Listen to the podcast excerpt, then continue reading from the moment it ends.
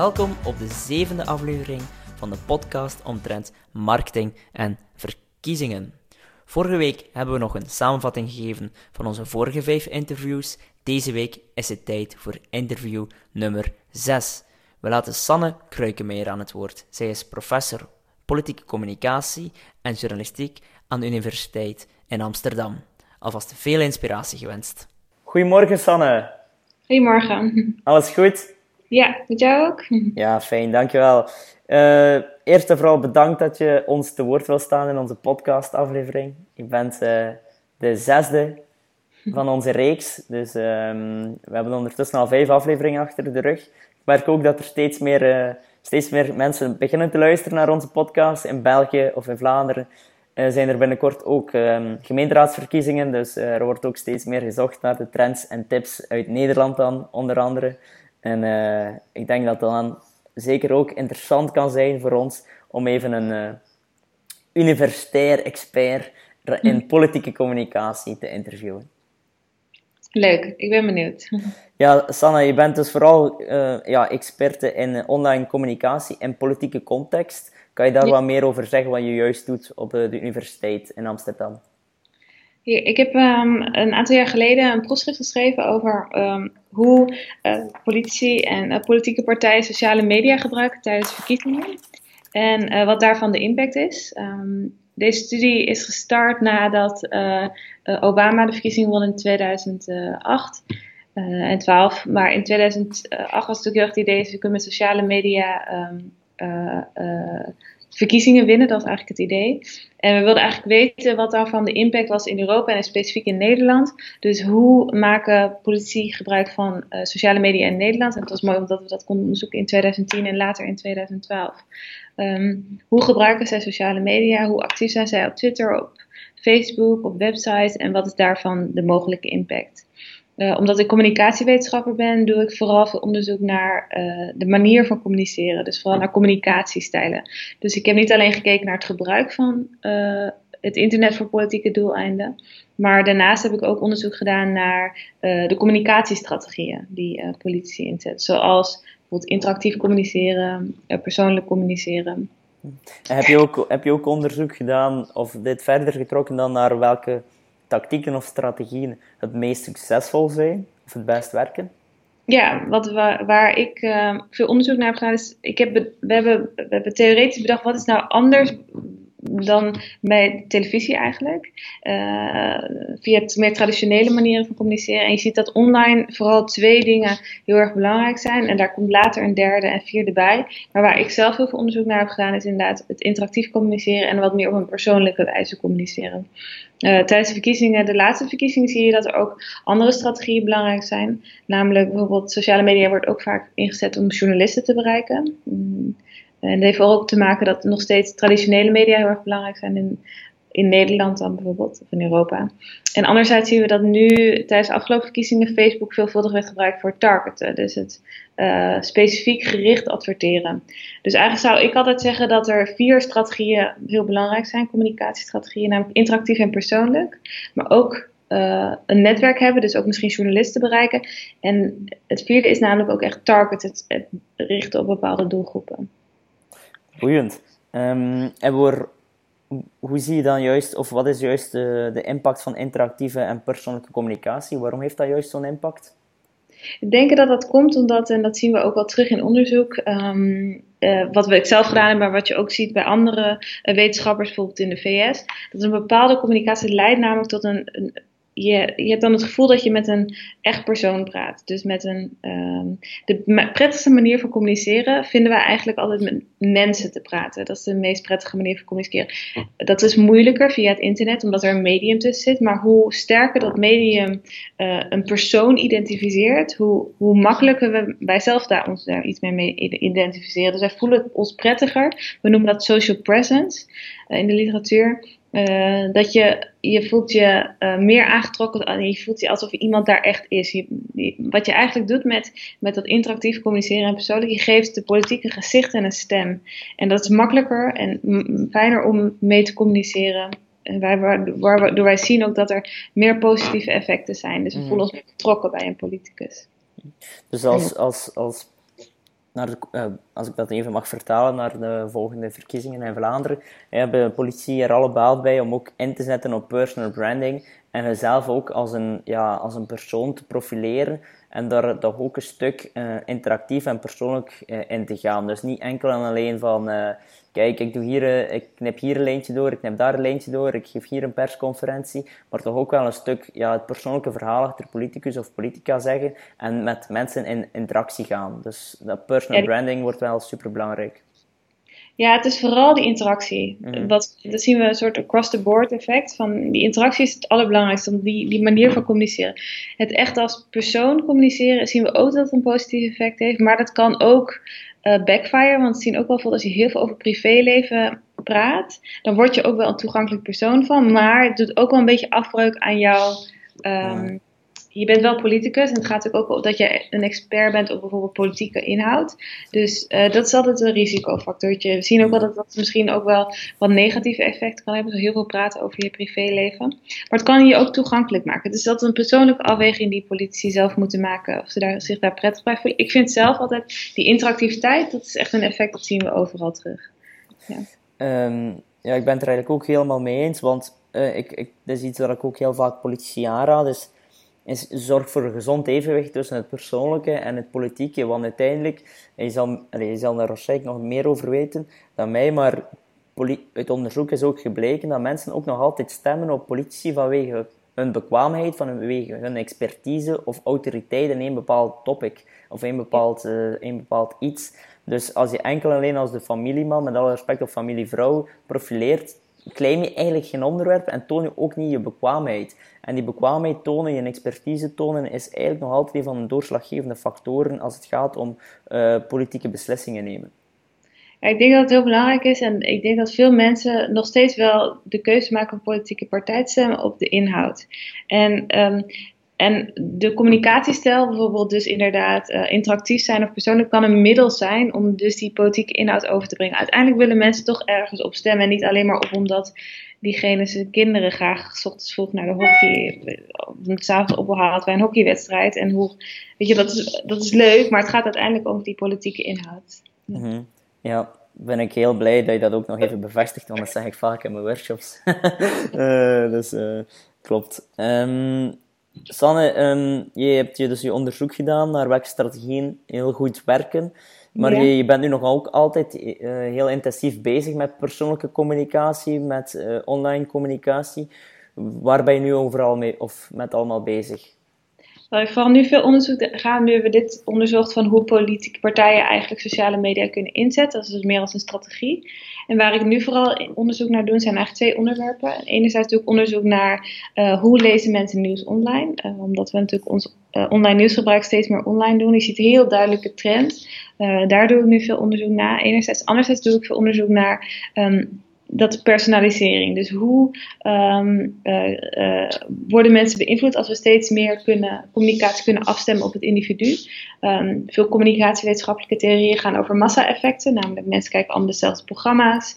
Um, bijvoorbeeld uh, theorieën als agenda setting staan daar heel erg centraal. En je ziet eigenlijk dat we nu naar een tijdperk gaan waar meer communicatie afgestemd kan worden.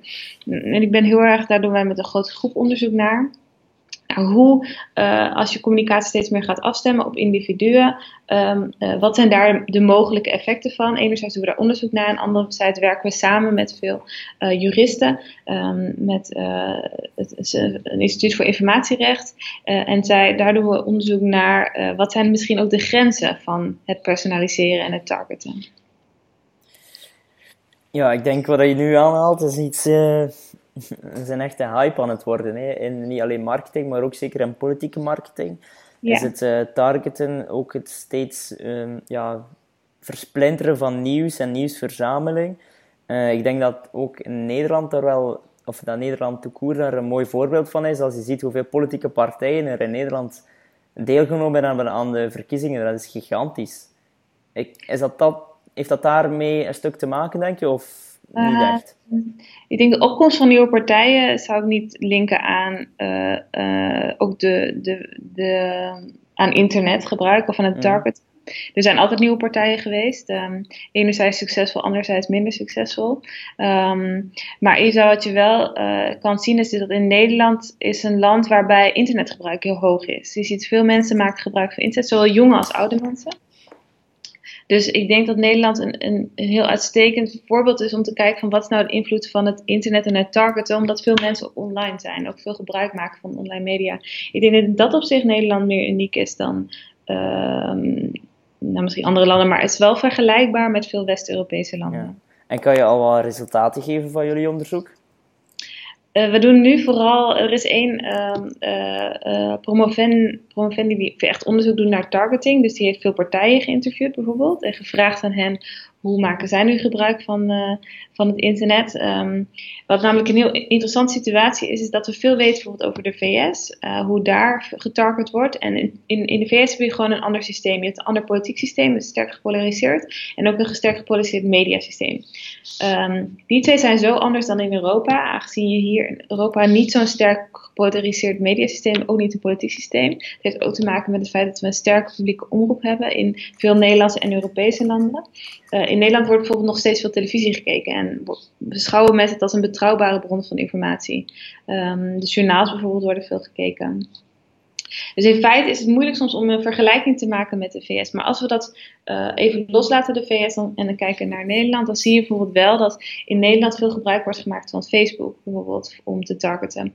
Uh, uh, omdat het eenvoudig is. Daar, zij, die gegevens hebben zij hebben zij al, Facebook in feite, omdat wij die gegevens nou eenmaal afgeven. Dus op basis daarvan wordt, werd er tijdens de verkiezingen veel gebruik gemaakt, van met name door de grote partijen, van dat targeten. Dus grote partijen die kochten advertenties op en die stuurden ze naar specifieke uh, groepen. Bijvoorbeeld, um, ik kreeg veel advertenties uh, die gericht waren op Amsterdam, vrouwen tussen een bepaalde leeftijdscategorie. Mm. En um nu is er waarschijnlijk nog geen... Het is wat te vroeg natuurlijk om daar gegevens over te hebben, wat de impact daarvan is. Ja, over de impact is, is het denk ik lastig om daar nu wat over te zeggen. Er zijn, um, omdat onderzoeken relatief nog lopen, uh, om echt iets... We kunnen wel zeggen, bijvoorbeeld, ik geloof dat rond, ja, rond 1 op de 5 mensen wel zo'n politieke advertentie gezien heeft. Um, op sociale media, geloof ik de laatste cijfers. Um, vergelijkbare cijfers zien we in de VS. Er is laatst een onderzoek gedaan naar, um, dat is gedaan door NYU en Stanford, geloof ik, waarbij ze gekeken hebben naar de impact van uh, met name uh, uh, fake news, want daar gaat het daar ook heel erg over, die discussie over nepnieuws. Wat is de invloed daarvan? Kun je mensen manipuleren bijvoorbeeld met nepnieuws? Um, en wat zij bijvoorbeeld vonden was dat die impact nog steeds vrij beperkt is. Dus wat zij vonden is dat in de drie maanden voor de, voor de verkiezingen, zeg maar de verkiezingscampagne, als die ongeveer drie maanden duurde, dan zijn mensen gemiddeld één keer blootgesteld aan een nepnieuws bijvoorbeeld. Um, en zij vonden ongeveer, ik geloof ook iets van rond de 15% dat mensen um, dergelijk nepnieuws zagen of, of, gebruik, of volgens mij gebruik maakten van sociale media. Dus wat je zou kunnen zeggen is dat in feite, um, ja, mensen gebruiken sociale media, maar het is nog steeds een aanvulling uh, op hun andere manieren van informeren. En andere manieren zijn er bijvoorbeeld kijken naar televisieprogramma's of um, bijvoorbeeld praten met andere mensen over verkiezingen, met je vrienden of. Ja. Oké, okay. en um, eentje dat ik zelf ja, van heel nabij heb gevolgd is natuurlijk de campagne van Donald Trump.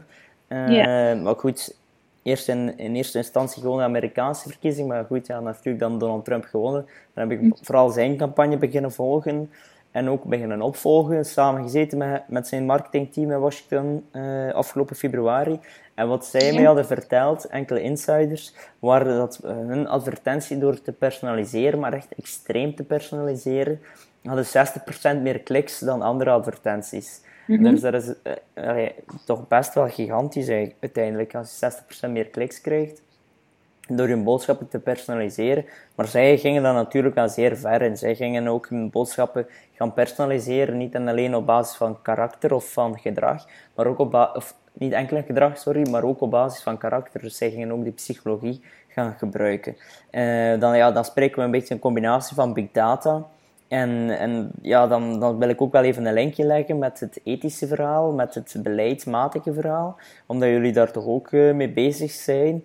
Um, Ja, hoe ver kan je daar volgens jou in gaan? Of tot, tot wanneer of tot, tot hoe ver is het ja, te ver? Ja. ja, ik vind het altijd mooi om al te spreken van wat zijn beloften en wat zijn bedreigingen. Uh, van bijvoorbeeld targeten. Um, uh, veel wordt gezegd dat er, dat er grote effecten zijn. En de wetenschappelijke literatuur laat ook zien dat inderdaad um, per se tot meer kliks kan leiden, maar vaak onder bepaalde condities bijvoorbeeld. Um, nou, en als we dan hebben over wat zijn nou beloftes en wat zijn nou bedreigingen, dan zijn er natuurlijk een aantal beloftes, bijvoorbeeld voor voor, voor, voor burgers. Want aan de ene kant kan natuurlijk dat targeten kan natuurlijk leiden tot meer relevante politieke advertenties. Je krijgt die advertenties te zien die ook bijvoorbeeld belangrijk voor jou zijn, of die informatie te zien die misschien jou helpt om een beslissing te maken voor een politieke partij. En anderzijds, wat, je, wat ook bijvoorbeeld een hele mooie belofte kan zijn, is dat je misschien ook makkelijker mensen bereikt, sociale groepen in de samenleving, die misschien moeilijk te bereiken zijn anderzijds. Um, als je bijvoorbeeld um, een bepaalde groep wil bereiken, kan je ook bijvoorbeeld in een wijk gaan staan waar die mensen wonen. Maar als je nu op Facebook bijvoorbeeld die mensen gelijk een bericht kan sturen, dan is dat een heel stuk effectiever dan een hele dag op een markt staan in de hoop dat je die mensen ook naar die markt komen bijvoorbeeld. Dus je kan ook misschien sociale groepen in de samenleving bereiken die je misschien minder goed bereikt. Aan de andere kant zitten er natuurlijk altijd, en dat is eigenlijk altijd, zoals in de wetenschap, altijd een beetje een genuanceerd verhaal, zijn er ook bedreigingen. Uh, en ik denk dat de grootste bedreiging vooral zit in dat het, ja, het gaat natuurlijk ook over privacy-risico. Dus um, gegevens kunnen verloren gaan bijvoorbeeld. En dan komen al deze gegevens op straat te liggen, op welke partij je gestemd hebt. Dat kan natuurlijk ook gevaarlijk zijn. Um, aan de andere kant kun je ook mensen manipuleren daardoor. Je kunt um, mensen allerlei verschillende boodschappen sturen, maar welke boodschap is nu juist? En als ik op een politieke partij stem, dan wil ik ook graag weten dat ze iets met die standpunten doen, maar misschien gaan ze dat niet doen en proberen ze alleen maar te overtuigen. Dus die manipulatie is daarin belangrijk. En ook, je kunt ook, als je bepaalde groepen wil bereiken, dat is heel mooi, maar je kan je ook bepaalde groepen uitsluiten. Dus die uitsluitingsgevaar zit er ook heel erg in. Um, nou zijn er natuurlijk ook altijd, dus je kunt bepaalde groepen gewoon negeren eigenlijk. Nou, er zijn voor politieke partijen natuurlijk allerlei soorten andere voor. Het is bijvoorbeeld, voor politieke partijen is het heel handig om, om politieke uh, targeting te doen. Het is vrij goedkoop. Uh, sommige bepaalde advertenties. Dus het is heel efficiënt, effectief, als meer leidt tot meer kliks. Aan de andere kant zijn sommige vormen van, van advertenties vrij duur nog steeds. Dus uh, uh, misschien kunnen we hele nieuwe partijen die weinig campagnebudget hebben, daar helemaal niet opboksen tegen de grote partijen die weer meer campagnegeld hebben. Um, en aan de andere kant zie je ook een verschuiving van, worden dan de, de tussenpersonen, zoals de grote, zoals Facebook, niet heel erg machtig als zij al die gegevens hebben. Dus dat is ook een, een, een bedreiging. En voor, ja, voor publieke opinie kun je ook denken aan.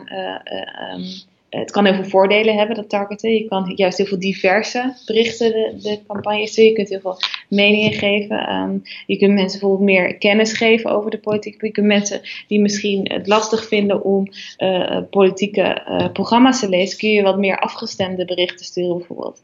Aan de andere kant um, wordt daardoor heel onduidelijk ja, wat dan, waar dan een politieke, waar de prioriteit liggen voor bepaalde politieke partijen. Als je heel erg gefragmenteerd gaat communiceren. Je krijgt heel erg fragmentatie van eh, politieke ideeën. Dus daar zie je allemaal verschillende soorten uh, effecten. En in, vaak hebben alle, alle voordelen, dus het bijvoorbeeld bereiken van bepaalde sociale groepen, altijd weer een nadeel, namelijk het uitsluiten van politiek. En daar houden wij ons mee bezig. Waar zit dan die grens? En, en, en, en, en wat is, waar ligt juridisch die grens? Er is bijvoorbeeld eigenlijk weinig wetgeving nog omtrent ja, ja. Uh, sociale media. Eigenlijk mag heel veel nog steeds. Ja, er is ook een vraag die ik regelmatig krijg vanuit politieke partijen, is van, ja, wat is de wetgeving hierom? Maar die wetgeving is zodanig grijs en zodanig ook een stuk ouderwets dat, ja, dat het gewoon niet duidelijk is wat mag en wat niet mag. In Nederland zal het misschien hetzelfde zijn. Uh, maar wat ik nog even wil op terugkeren is manipulatie. Ja. Ik vind het altijd moeilijk. Uh, want als zeker in marketing wordt er vaak gesproken over ja, kijk, eh, manipulatie. Maar ja, wanneer spreken we over manipulatie? Want uiteindelijk, als je vanaf je met mensen communiceert, probeer je altijd mensen te overtuigen. En je probeert altijd mensen naar een bepaalde richting te sturen. Als je met mensen allez, spreekt uiteindelijk. Uh, Ja, goed, iets te nuanceren wel. Maar uh, heel vaak proberen altijd iemand te overtuigen. Is dat dan manipulatie? Mm -hmm. Hij viel even weg hoor. Wat zei je als laatste? Ah, sorry, ja, wanneer spreken we over manipulatie? Um, ik denk gewoon uh, dat uh, er is ook een verschil tussen wat uh, als je kijkt dus naar en marketing aan de ene kant en politieke partijen aan de andere kant. Um, als je als er als een, een, een laat zeggen een groot bedrijf een advertentie stuurt over wasmachines, is er minder te verliezen. Maar als een advertentie wordt gestuurd door een politieke partij, komen er ineens allerlei andere overwegingen naar voren. En dat is ook bij mensen zo. We weten ook dat effecten van bijvoorbeeld uh, als mensen een advertentie zien van een groot marketingbedrijf, dan zeggen ze, oh dat is reclame. Maar als een politieke partij ineens gaat betalen voor zo'n advertentie om jou misschien te beïnvloeden, is in één keer dat, dat, dat normatieve aspect wordt in één keer belangrijker. Uh, waar de grens ligt is moeilijk. Ik, ik vind het heel moeilijk om te. Ik denk dat ik als wetenschapper daar daar alleen maar het genuanceerde antwoord kan geven. Um, uh, manipulatie is heel moeilijk. Um, en ik denk uh, dat ik daar ook. Ja, het is moeilijk om daar antwoord op te geven. Ik denk dat de grens um, tussen, tussen echt mensen beïnvloeden heel moeilijk. Waar ligt, ligt ook heel erg aan de situatie af. Ja. Um, ja. dat denk ik zelf ook. Het gevoeliger ligt bij politieke communicatie, dat weten we. We weten dat het bij partijen gevoeliger ligt. Dat mensen ook um, een ander, ja, er is veel over. Het is eigenlijk heel weinig onderzocht, maar een heel interessant spanningsveld vind ik. Waarom vinden we het bij wasmachines wel goed en misschien minder bij politieke partijen? Ja, plus ook bij, bij uh, waar ik ook vaak bij stilsta, is uh, bij journalisten. Uh, klinkt wel raar, maar eh, als ik nu kijk naar gepersonaliseerde communicatie, eh, bij ons de VRT, dus de de overheidszender, laten we zeggen. Um, zij zetten nu ook echt massaal in. Uh, ze gaan nu samenwerken met Google, dacht ik, om een personaliseerde radio aan te bieden. Dus op basis van jouw persoonlijke voorkeur krijg je dan waarschijnlijk andere liedjes te zien, misschien ook andere nieuwsberichten. En ja, ook, ook dat kan je als een vorm van beïnvloeding, misschien wel manipulatie noemen, of, of hoe dan ook. En ik denk, ja, iedereen is er zo wat mee bezig, maar iedereen is er ook zo wat, wat wat angstig over. Dus ik vind, ik vind het ook heel uitdagend of moeilijk spanningsveld van ja, wanneer is manipulatie, wanneer niet. Plus, ik denk persoonlijk denk ik dat manipulatie te snel, het woord manipulatie te snel wordt, eh, wordt gebruikt. Maar hoe dan ook, het is, het is en blijft een heel, heel, heel, moeilijke, hele moeilijke vraag. En dat ethische vraagstuk vind ik zelf wel heel belangrijk. En uh, ik denk ook dat beleidsmatig gewoon wat meer, wat meer uh, concrete afspraken moeten worden gemaakt. Ja, het is ook iets waar veel politieke partijen ook mee worstelen. Gaan we gebruik maken van marketing als we in ons partijprogramma privacy heel belangrijk vinden? Ja. Dat toch is een heel uh, interessant um, uh, afweging die gemaakt moet worden. Um, en ik vind het ook wel interessant om te zien hoe politieke partijen daarmee omgaan. Uh, maken zij de keuze om te targeten als ja, zij toch privacy een belangrijk onderdeel vinden? Dus zelf ook afwegingen in hoor. Bijvoorbeeld we targeten niet op te specifieke groepen bijvoorbeeld. Dat kan een overweging zijn mhm. bijvoorbeeld. Oké. Okay.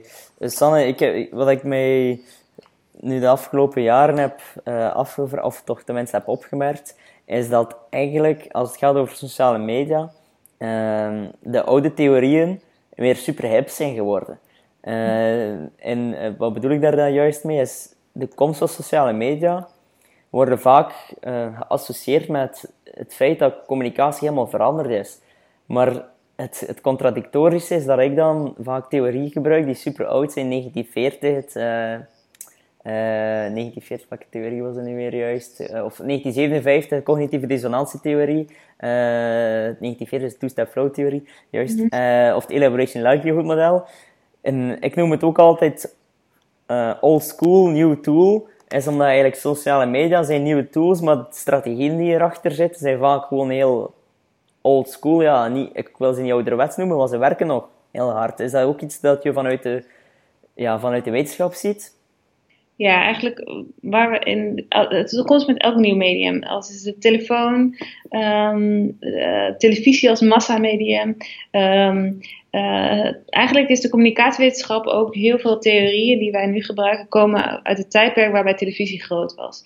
Um, aan de ene zijde zijn nog heel veel van die theorieën heel toepasbaar. Uh, en dat zie je eigenlijk, het medium is anders, um, de snelheid is anders, um, de manier waarop communiceren wordt anders, maar de ideeën zijn nog vaak hetzelfde. Mm -hmm. Ik denk dat ook bijvoorbeeld een voorbeeld daarvan is uh, bijvoorbeeld de hele discussie inderdaad over netnieuws, over journalisten. Um, uh, dat Facebook daarmee om moet gaan. Uiteindelijk zie je gewoon dat eigenlijk dus Facebook een sociaal of een nieuwsmedium wordt. Um, dat betekent niet dat er nieuwe vragen zijn, want de vragen zijn hetzelfde. Hoe moeten we informatie verifiëren? Daar houden journalisten zich immers al, al 100 jaar mee bezig of langer. Um, waarschijnlijk sinds de Engelse burgeroorlog, uh, toen voor het eerste keer boeken werden uitgebracht. Maar. Dus het is niet een nieuwe vraag, het is een nieuw medium. En, en ik denk dat we dat wel als, als wetenschappers ook wel zien dat er bepaalde theorieën zijn belangrijk, ja, maar kunnen ook wel iets veranderen. Um, um, bijvoorbeeld wat, heel, wat wij altijd uh, als een hele belangrijke theorie schouwen, is bijvoorbeeld dat mensen televisie kijken. Uh, in, in, in, Nationaal. We keken allemaal uh, in de jaren 76 naar hetzelfde journaal. Daardoor vonden we ook allemaal dezelfde onderwerpen even belangrijk. Dat noemen we agenda setting theory. Dus uh, de bepaalde ja, onderwerpen zijn belangrijk. Je ziet wel dat misschien dat gaat verschuiven. Dus dat onze common core van de onderwerpen die we dus allemaal tegelijk belangrijk vinden, misschien verbreed wordt. dus, dus theorieën kunnen ook wel dat je in een nieuw tijdperk een andere lading heeft. Maar dat betekent niet dat de theorieën niet belangrijk zijn. Ik denk dat we dan daaruit, dat is onze start startfase waar we uit beginnen. Mm, absoluut. Um, en als ik nog even mag terugkeren van uh, jouw, jouw onderzoeken die je doet naar online communicatie en politiek, wat is voor, volgens jou uh, de belangrijkste tips die je aan politici kan geven? Ja. Als ze actief willen worden of meer willen inzetten op online communicatie? Ik zou zeggen, helemaal niet actief zijn op sociale media zou een gemiste kans zijn. Um, we zien wel in onderzoek dat het gebruik van sociale media zeker een positief effect geeft. Dus het helemaal niet gebruik maken kan dus uh, ook een nadeel zijn. Dus ik zou zeggen, uh, gebruik van sociale media. Maar aan de andere kant zien we ook wel dat politieke partijen dat eigenlijk allemaal doen. Zeker bij nationale verkiezingen zien we dat, uh, dat politici heel erg veel online aanwezig zijn. Ook zeker bij, bij regionale verkiezingen. In Nederland waren de afgelopen regionale verkiezingen um, uh, gemeenteraadsverkiezingen waren 90% van de mensen politiek actief op sociale of op het internet eigenlijk. Dus maakte vorm van enige vorm van uh, ja, voor de campagne. Dus uh, het helemaal niet gebruik maken is zo denk ik. En dan is het eigenlijk wat bij je past. We zien gewoon dat bepaalde communicatiestrategieën goed werken. We weten gewoon wat je, als je bepaalde emoties gebruikt, dat het aantrekkelijk is. Het persoonlijk communiceren is een fijne communicatie met interactief communiceren. Je kan inderdaad een netwerk vergroten, journalisten bereiken enerzijds, maar ook andere geïnteresseerden.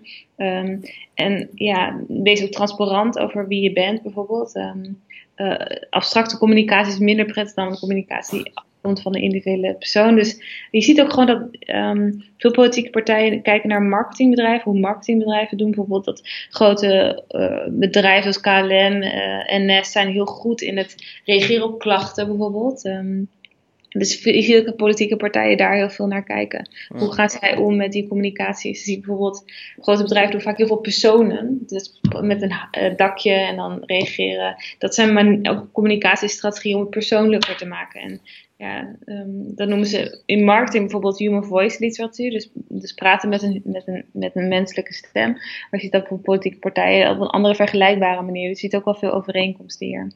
Ik denk dat. Uh, ja. Mag ik daar uh, nog even op terugkeren? Dus uh, politieke partijen kijken vaak naar bedrijven hoe ze het doen. Maar wat ik zelf merk is dat sommige politieke partijen ehm, misschien te veel kijken naar bedrijven. Want ik vind zelf, en ik merk dat ook is dat politieke communicatie iets helemaal anders is dan marketingcommunicatie.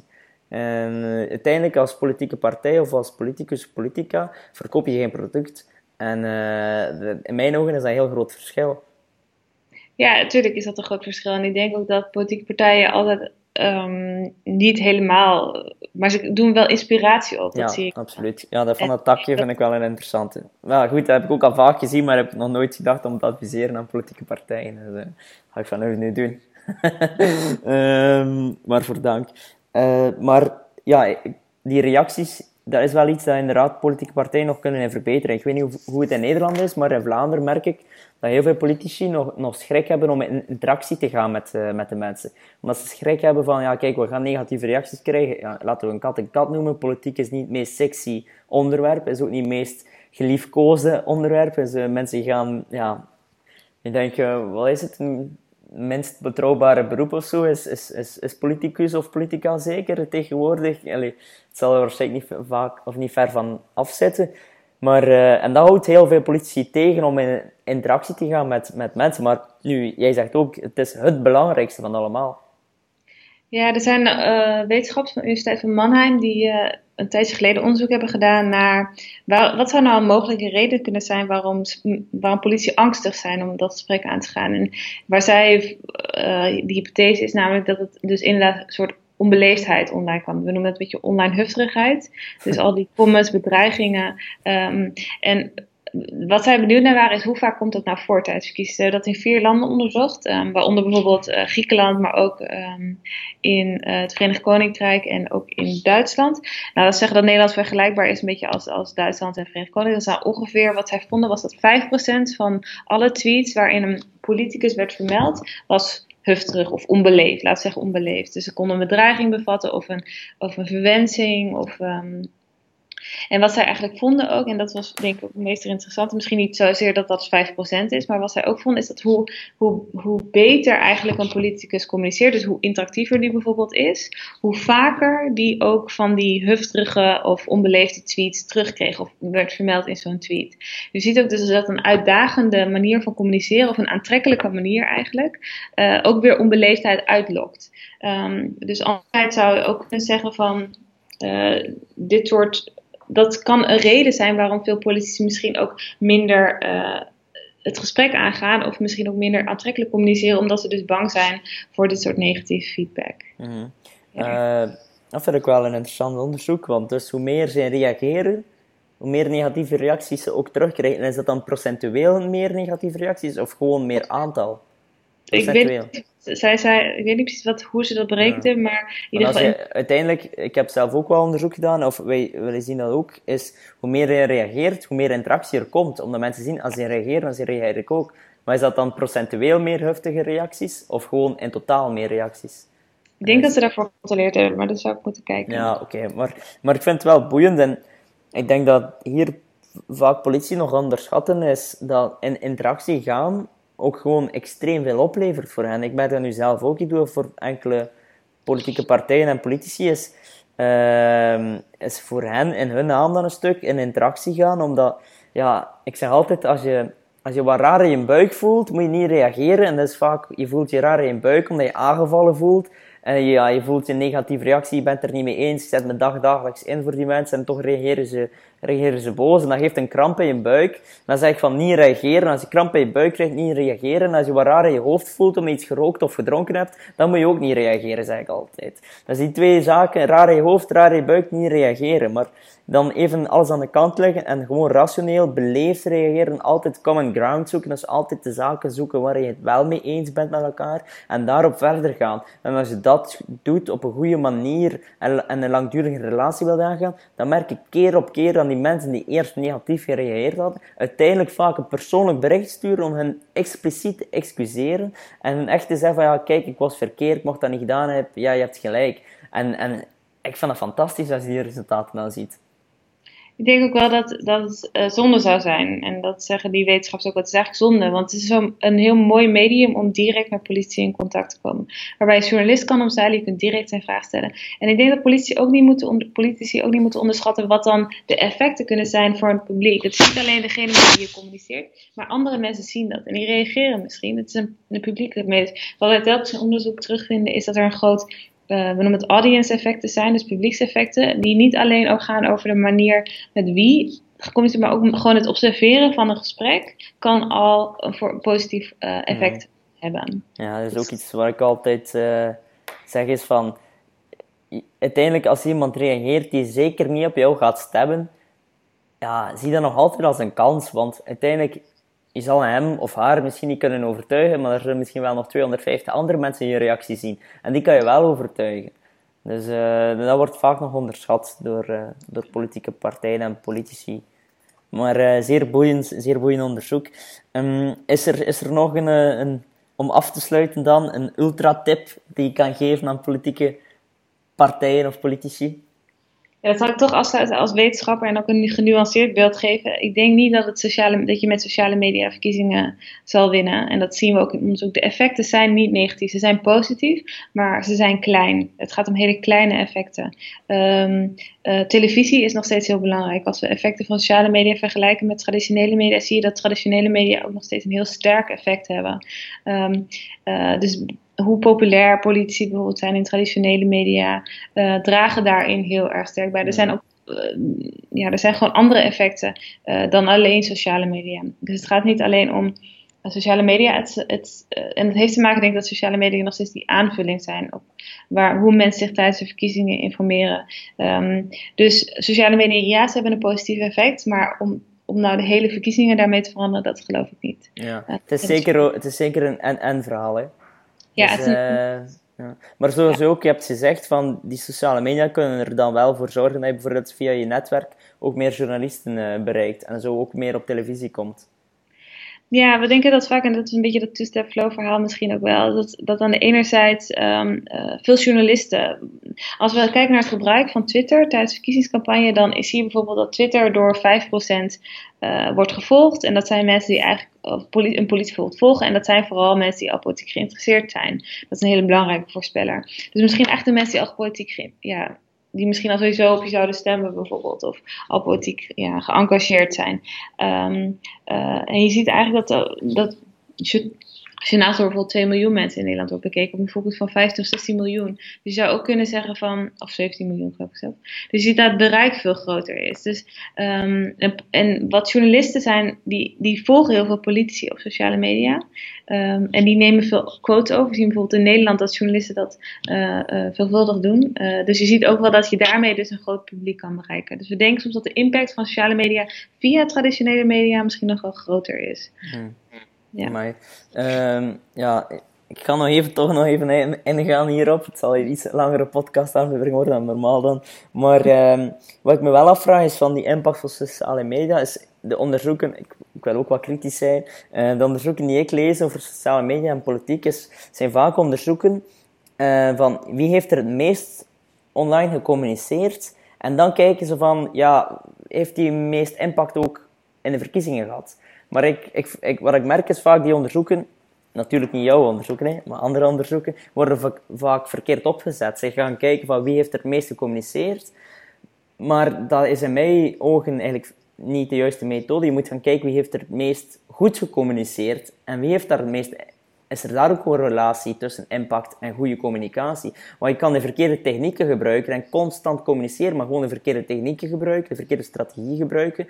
En dan zeggen, zeggen uh, ja, internationale onderzoekers van ja, kijk, die heeft heel veel gecommuniceerd, maar die heeft niet heel veel stemmen gehaald. Ja, maar als je gewoon heel de tijd verkeerd communiceert, natuurlijk dat je niet veel stemmen gaat halen. Dus ik vind in dat opzicht, dan, dan vind ik het ook weer wat genuanceerd van, ja, ja welke, welke technieken gebruiken die politici?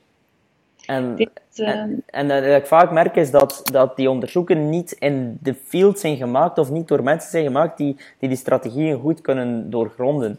En uh, dat is wel iets wat ik mis op dit moment nog, is van, en is een onderzoek dat ik zelf aan het doen ben, omdat ik het mis, is van kijk, welke tactieken werken supergoed en welke leveren heel veel uh, reacties, shares, comments op. En ik merk wel dat, ja goed, de impact aan haar stemmen moeten nog op lange termijn gezien worden. Maar als je die technieken die ik heb onderzocht, die goed werken op sociale media, gebruikt, dan levert dat gewoon ook gewoon veel meer bereik op. Vooral dankbaarheid. Dankbaarheid werkt super goed politici, voor politici op sociale media. Dus ja, ik, ik vind het ook die cijfers rond sociale media en politiek ook vaak te nuanceren als het al vanuit de wetenschap wordt bekeken. Nou, ik vind dat het belangrijk is, en dat is een beetje een gouden standaard binnen communicatiewetenschap, is om eerst onderzoek te doen naar welke strategieën worden gebruikt. Mm uh, en vervolgens te kijken hoe effectief zijn die strategieën. Ja. Dus uh, vaak doen we eerst een inhoudsanalyse en dan kijken we echt van hoe, hoe communiceren politici online, bijvoorbeeld over dat persoonlijke, waar gaat het over? Zijn het emoties? Zijn het de professionele activiteiten? Zijn het bijvoorbeeld uh, privéactiviteiten? Dus ik denk dat dat heel belangrijk is. Ja, klopt pas naar de impact. En dat is heel belangrijk. Binnen de communicatiewetenschap vinden we dat die, die manier van onderzoek doen eigenlijk de, ja, de beste manier om eerst te kijken, is het aanwezig? En op welke manier en wat is daarvan de impact. Klopt. Kan op verschillende methodes. Daar ben ik het helemaal mee eens. En dat is wel iets wat ik vaak toch mis in, eh, in, in onderzoek, in communicatiewetenschappelijk onderzoek. Ik ben zelf zo, ik heb master politieke communicatie gedaan, dus ik heb- ben zelf bezig met onderzoek. ehm. maar goed, ehm, toch. Als wetenschapper moeten we ons aan standaarden houden. En Ja, ik denk dat in de communicatiewetenschap eh, de standaarden heel hoog zijn wat betreft dit soort onderzoek. Eh, daarom laten we wet, is er altijd ook een discrepantie tussen wat wetenschappelijke literatuur eh, zegt en wat misschien ook ehm, eh, marketing- of communicatiebureaus zelf zullen zeggen. Ja, absoluut. Is het ook altijd belangrijk. Ik denk dat er in de wetenschap veel nuance wordt gegeven. Ja, er is een effect, maar onder bepaalde condities. En dat zul je veel zien in communicatiewetenschappelijk onderzoek. Ja, daar ben ik het helemaal mee eens. Oké, Sanne, ehm, het was een super, super boeiend gesprek. En eh, ik denk dat we het dan hierbij zullen houden, anders wordt het een te lange podcast-aflevering. Maar misschien volgt er wel een, eh, een tweede editie. Eh, ik vond het alvast zeer boeiend en nogmaals dank. Oké, graag gedaan. Dag. Hopelijk vonden jullie het even waardevol als mij. Volgende week bespreken we alvast een andere trend. Als jullie meer informatie willen, kunnen jullie altijd surfen naar www.exposure.be. Of wil je mij boeken voor een workshop? Stuur mij dan een mail via reinoud.exposure.be. Tot volgende week.